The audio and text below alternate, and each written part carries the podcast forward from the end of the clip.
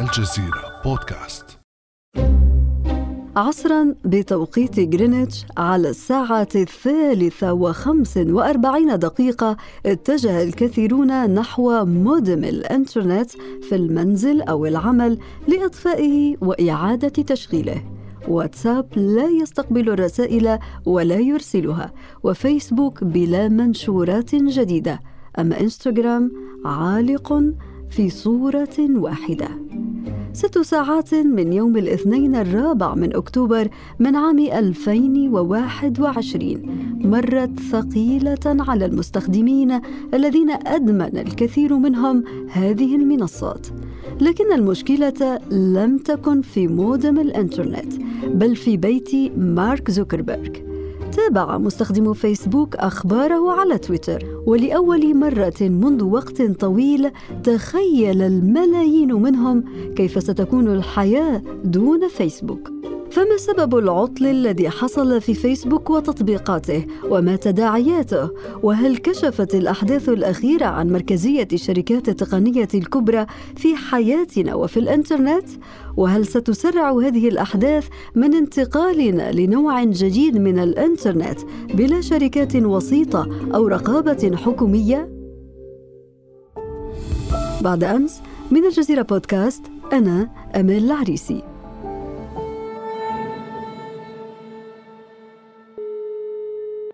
ونناقش هذه الأسئلة وغيرها مع الدكتور نبيل عودة الباحث في الشؤون الدولية وسياسات الإنترنت. أهلا وسهلا بك دكتور نبيل. أهلا وسهلا يا مرحبا. دكتور نبيل أنت صديق البرنامج ونحن الآن نستنجد بك لفهم كل ما حصل. إن شاء الله أن أكون عند حسن الظن. طيب دكتور نبيل حقيقة شهر سبتمبر الماضي كان صعبا على شركة فيسبوك هبوط أسهمها وتواصل مسلسل الفضائح والتسريبات وفجأة اختفاؤها من شبكة الإنترنت لساعات فما الذي حدث لفيسبوك؟ بالبداية إحنا خلينا نعترف أنه شركة فيسبوك منذ عام 2016 دخلت في معترك السياسة من أوسع أبوابها حيث أصبحت متهمة بأنها آه، المنصة التي تساهم في نشر حملات التضليل، الدعايه الكاذبة وأيضا تروج لنظرية المؤامرة، ولذلك أصبح هناك نوع من المراقبة والتدقيق على سلوك فيسبوك سواء كان من قبل المشرعين في الكونغرس الأمريكي وغيره من برلمانات حول العالم بالإضافة إلى أولئك الذين يهتمون آه، آه، بحقوق الإنسان سواء كان كمنظمات وكأفراد. لذلك الآن فيسبوك تعاني من نوع من إذا صح التعبير من الهاجس أو الخوف آه، أن يتم إخضاعها لبعض التشريعات والقوانين التي سوف تحد سواء كان من توسعها حول العالم وفي أمريكا أو قد تحد من الأرباح التي قد تجنيها من هذا التوسع وهذا الانتشار. وأهم ما يمكن أن نتحدث به عن آه، هاجس فيسبوك هو ما يتعلق بقانون الاستحواذ أو قانون الاحتكار. هذا فتح ملف الاستحواذ والاستحكار مجددا وهناك حديث أن تخضع هذه الشركات إلى ال anti-trust قانون ال anti-trust قانون ضد الاحتكار بما يعني إنه ممكن أن نشهد مستقبلا ليس شركة فيسبوك متماسكة وإنما شركات متعددة. فيسبوك لوحدها إنستغرام لوحده وواتساب لوحده. هذا لا يعني فقط فيسبوك لوحدها وإنما شركات تكنولوجيا المعلومات بشكل عام. طيب دكتور نبيل ذكرت نقطة نقطة مهمة وهو أن شركة فيسبوك هي تستحوذ على ميسنجر على واتساب على انستغرام لو كانت منفصلة لما حدث هذا ولكن حدث ما حدث. لماذا؟ العجيب أنه الذي حدث مؤخرا هو يتعلق فقط بخطأ تقني بسيط.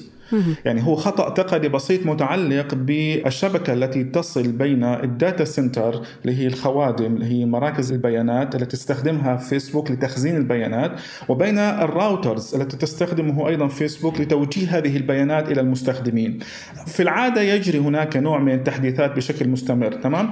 حدث في هذا التحديث خطأ أدى إلى قطع الاتصال بين ال data center وبين ال routers. تمام؟ ولذلك انقطعت خدمة فيسبوك عن شبكة الإنترنت بشكل كامل لأنه الراوترات أو السيرفرات أو الخوادم لم تستطيع الوصول إلى ال data center. خطأ بسيط جدا ويمكن إصلاحه remotely عن بعد وبشكل سريع جدا. لكن مشكلة فيسبوك الأخيرة كانت بمعنى إنه حتى ال internal حتى الشبكة الداخلية اللي تستخدمها فيسبوك في التواصل ما بين موظفينها يعتمد أيضا على ذات الشبكة ولذلك عندما أصبح هذا الخلل موجود انعكس على التواصل الداخلي وأصبح الموظفون غير قادرين على الولوج إلى الشبكة الداخلية لفيسبوك. مما اضطرها أن ترسل يعني الأجهزة الفنية الخاصة بها الفنيون الخاصين بفيسبوك ترسلهم إلى هذه ال data center. إلى هذه المراكز فيزيكلي بشكل مباشر من أجل إصلاحها يعني شبه يدويا.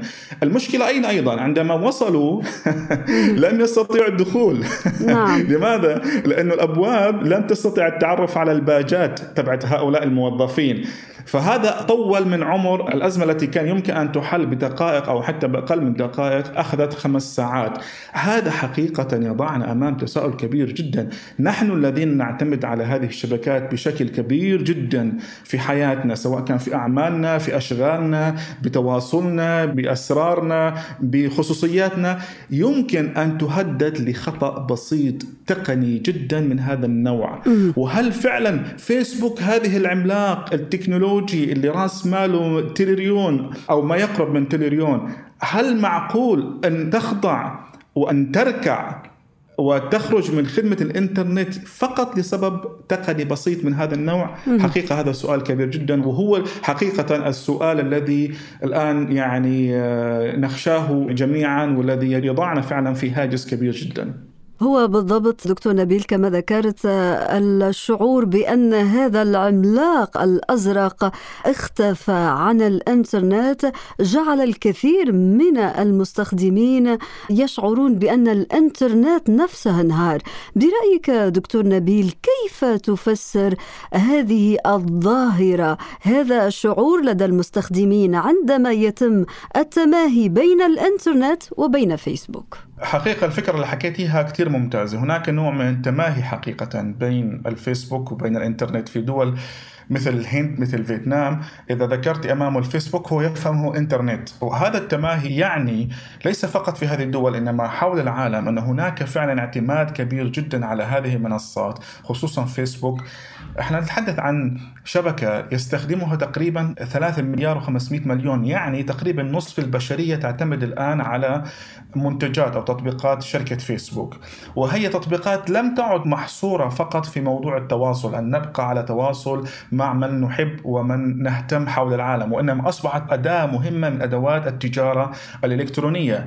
تخيلي كم من محل حول العالم كم من مصلحة كم من شركة حول العالم تعتمد اعتماد كامل في مبيعاتها على هذه المنصات سواء كان فيسبوك سواء كان انستغرام أو حتى واتساب ولذلك انقطاع هذه الشبكات عن العمل سوف يكلف هؤلاء الكثير الكثير من الخسائر المادية وهذا مكمن الخطر. أنا لا أعتقد أن هناك مشكلة كبيرة لدى فيسبوك في هذا الانقطاع من الناحية الاقتصادية. أعطيك في لغة الأرقام. يعني مثلا فيسبوك في الربع الثاني فقط من هذا العام كان ربحها تقريبا 29 مليار. تمام؟ يعني بلغة الأرقام يعني 91 يوم. يعني في 91 يوم ربحت 29 مليار. بمعنى إنه هي بتربح في اليوم تقريبا 319 مليون. وفي الساعة يعني كل ساعة تربح تقريبا 13 مليون. wow. فلذلك لما تكون فيسبوك خسرت في هذا الانقطاع ما يقارب 100 مليون هذا رقم ما بنحكى فيه. طيب دكتور نبيل هذه الخسارة التي لا تحتسب في مداخيل فيسبوك يعني لا تعتبر خسارة تقريبا حسب كلامك دكتور نبيل. كيف تفسر إذا أن المستخدمين فور عودة فيسبوك سرعان ما عادوا إلى المنصة رغم ذهابهم إلى منصات أخرى خلال فترة الانقطاع. لم يفقدوا الثقة في فيسبوك. نعم لم يفقدوا الثقة في فيسبوك لأنه الآن حقيقة المنصات الأخرى لم تقدم البديل عن فيسبوك. أنا كما قلت قبل قليل الفيسبوك لم تعد فقط أداة للتواصل. بمعنى آخر أنا شو اللي صار معي مثلا؟ وصار معك أنا متأكد تماما وكثير من المستمعين صار معهم نفس الشيء. لما توقف فيسبوك في التواصل اعتمدنا مباشرة على منصات ثانية أنا صرت أستخدم مباشرة سيجنال أو حتى ناس تواصلوا معي عن طريق التليجرام تمام؟ بالتواصل في هناك يعني أصبح يعني بدأ بدائل لكن في قضايا أخرى خصوصا قضايا ال business قضايا الأعمال ما زالت شركة فيسبوك هي الخيار رقم واحد سواء كان في إنستغرام أو في واتساب. هناك الكثير يعني أنا مثلا حوالي في المنطقة جميع المطاعم والسوبر ماركتات تعتمد في تسويقها على مجموعات والجروبات في فيسبوك وفي إنستغرام وفي واتساب. لا يوجد هناك بدائل عنها. ولذلك حتى تفاجأت أنا إنه السوبر ماركت اللي يعني بجانبي مباشرة فتح فتح صفحة على التليجرام يعني مباشرة عامل جروب على التليجرام. فانا قصدي إنه لسه حقيقة المنصات الأخرى إلى الآن غير قادره على تقديم البديل عن شركة فيسبوك وتطبيقاتها في خصوصا في العمل التجاري. لذلك الناس ذهبت أو رجعت إلى فيسبوك وتطبيقاتها لأنها حقيقة هي البديل رقم واحد إلى الآن. طيب إذا كانت الفيسبوك هي البديل رقم واحد حتى الآن كما ذكرت دكتور نبيل أي دور لل المستخدمين في القرارات التي تتخذها هذه المؤسسة يعني هذا بيوديني إلى ملفات فيسبوك التي أفصحت عنها التي كانت تعمل فرانسيس هوغن التي كانت تعمل مديرة قسم النزاهة في فيسبوك وخرجت الآن وامبارح كان هناك يعني شهادة لها أمام الكونغرس. حقيقة هي تقول إنه شركة الفيسبوك تتمتع بانعدام الشفافية. وهذا حقيقة أنه شركة فيسبوك وغيرها حقيقة من شركات تكنولوجيا المعلومات هي تتمتع بشفافية متدنية جدا يعني قليلة أو منعدمة. بمعنى آخر أنه نحن كمستخدمين إحنا كناس أوكي ننظر إلى الشركات هذه الشركات من خارج لا ندري حقيقة ما الذي يجري داخلها. كيف يتم اتخاذ القرار مثلا؟ كيف مثلا تعمل الخوارزميات في هذه الشركات؟ كل هذه الأمور هي عبارة عن أمور تحدث بالعتمة، تحدث في الظل، ولذلك أنا بسميها إمبراطوريات الظل، لأنها غير منكشفة على الرأي العام وغير منكشفة على المستخدمين وكيف تجري هذه التحديثات، ولذلك ليس لنا رقابة على هذه الشركات ولذلك غير قادرين على محاكمتها بمعنى آخر، عندما تخرج فرانسيس وتقول إنه فيسبوك هي واحدة من أكبر ال machine من أكبر آلات الدعاية المغرضة والتضليل في العالم ويخرج فيسبوك سواء كان مارك أو غير مارك ويقول لك لا نحن نحارب الدعاية ونحارب التضليل ونحارب ال fake news والأخبار الكاذبة. من نصدق؟ الآن لا نستطيع أن نصدق أي طرف لأنه فعلا نحن لا يوجد عندنا حقيقة معلومات واضحة وبيانات واضحة نستطيع أن نحاكم أي الطرفين على صدقه من كذبه. حتى أنت لو ذهبت إلى شركة فيسبوك سوف ترين أن الخوارزميات من التعقيد بأنه أي إنسان غير قادر على فهمها. يعني حتى المشرعين حقيقة طيب. هم غير قادرين على فهم هذه الخوارزميات ولذلك جميع التشريعات التي سوف تؤخذ ضد هذه الشركات سوف تأخذ مدة طويلة من الزمن حتى تستطيع هذه الجهات الرسمية فهم وهضم كيف تعمل هذه الشركات.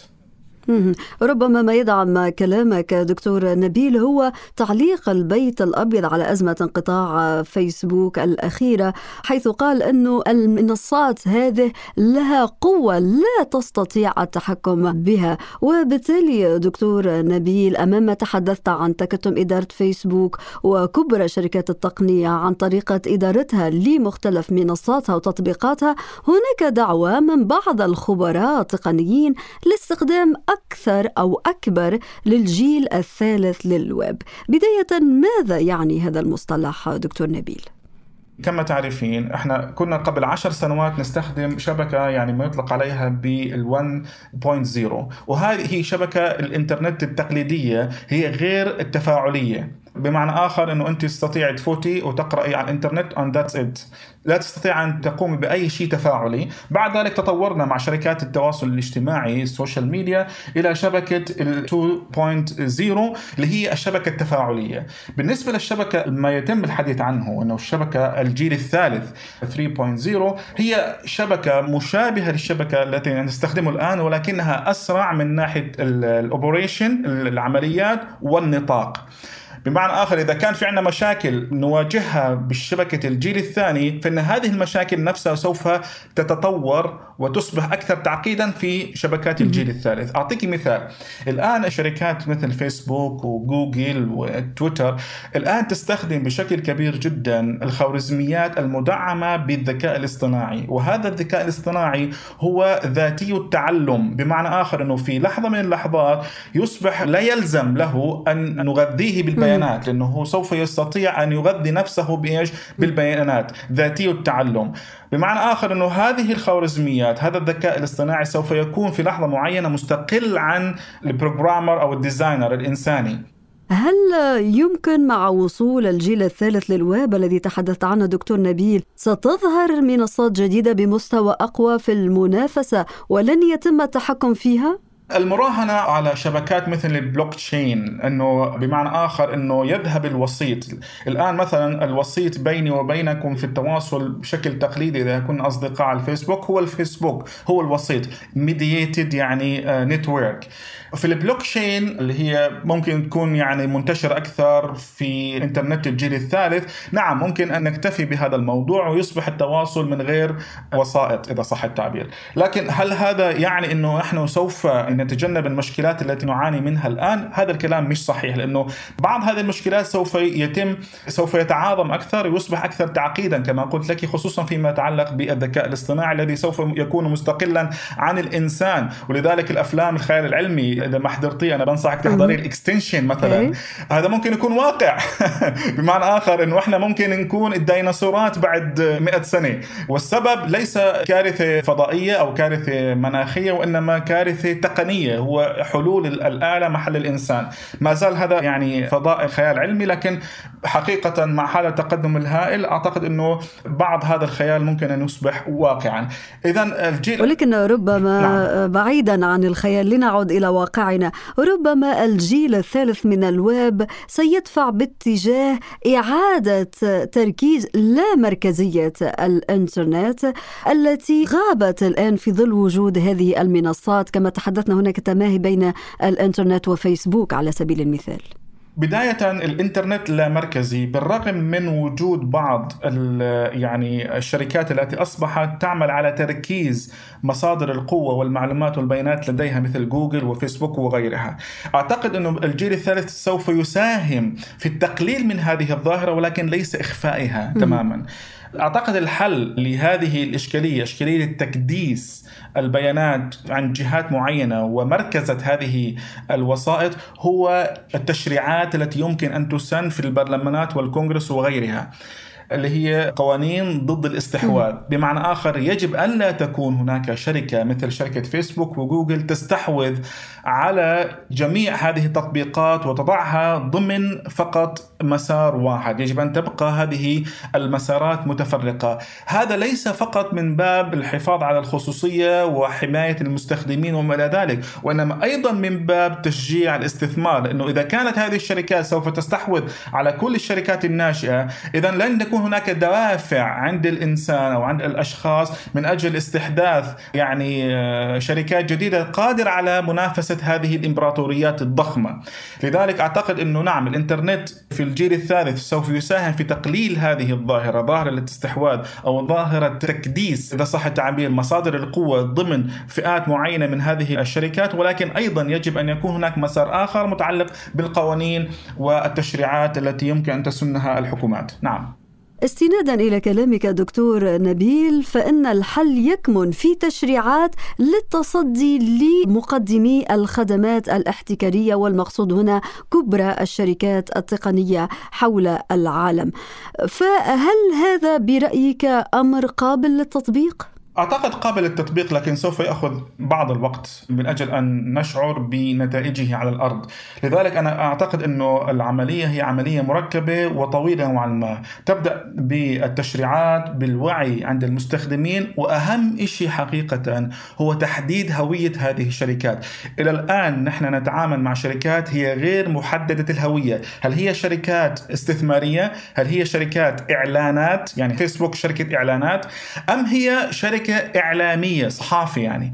بمعنى آخر إنه هذا غياب حقيقة تحديد هوية هذه الشركات يجعل موضوع استحداث تشريعات لفرض الرقابة عليها أمر صعب للغاية، يجب بداية أن نبدأ بتحديد هوية هذه الشركات، هل هي هوية هي شركات استثمارية؟ هل هي شركات إعلانات أم شركات صحافة وإعلام؟ إلى الآن لا يوجد أحد قادر على اجابه عن هذا السؤال لأنه الشركة نفسها تلبي جميع هذه الهويات اذا صح التعبير، فالشركات مثل فيسبوك، شركات التواصل الاجتماعي هي شركات ذات هويات متعددة وهنا مكمن الصعوبة. صعوبات كثيرة دكتور نبيل وأسئلة كثيرة مفتوحة على إجابات محتملة وأخرى قد تكون غير مكتملة أيضا. الباحث في شؤون الدولية وسياسات الإنترنت الدكتور نبيل عودة شكرا لك على كل هذه التوضيحات. أهلا وسهلا شكرا جزيلا. كان هذا بعد أمس.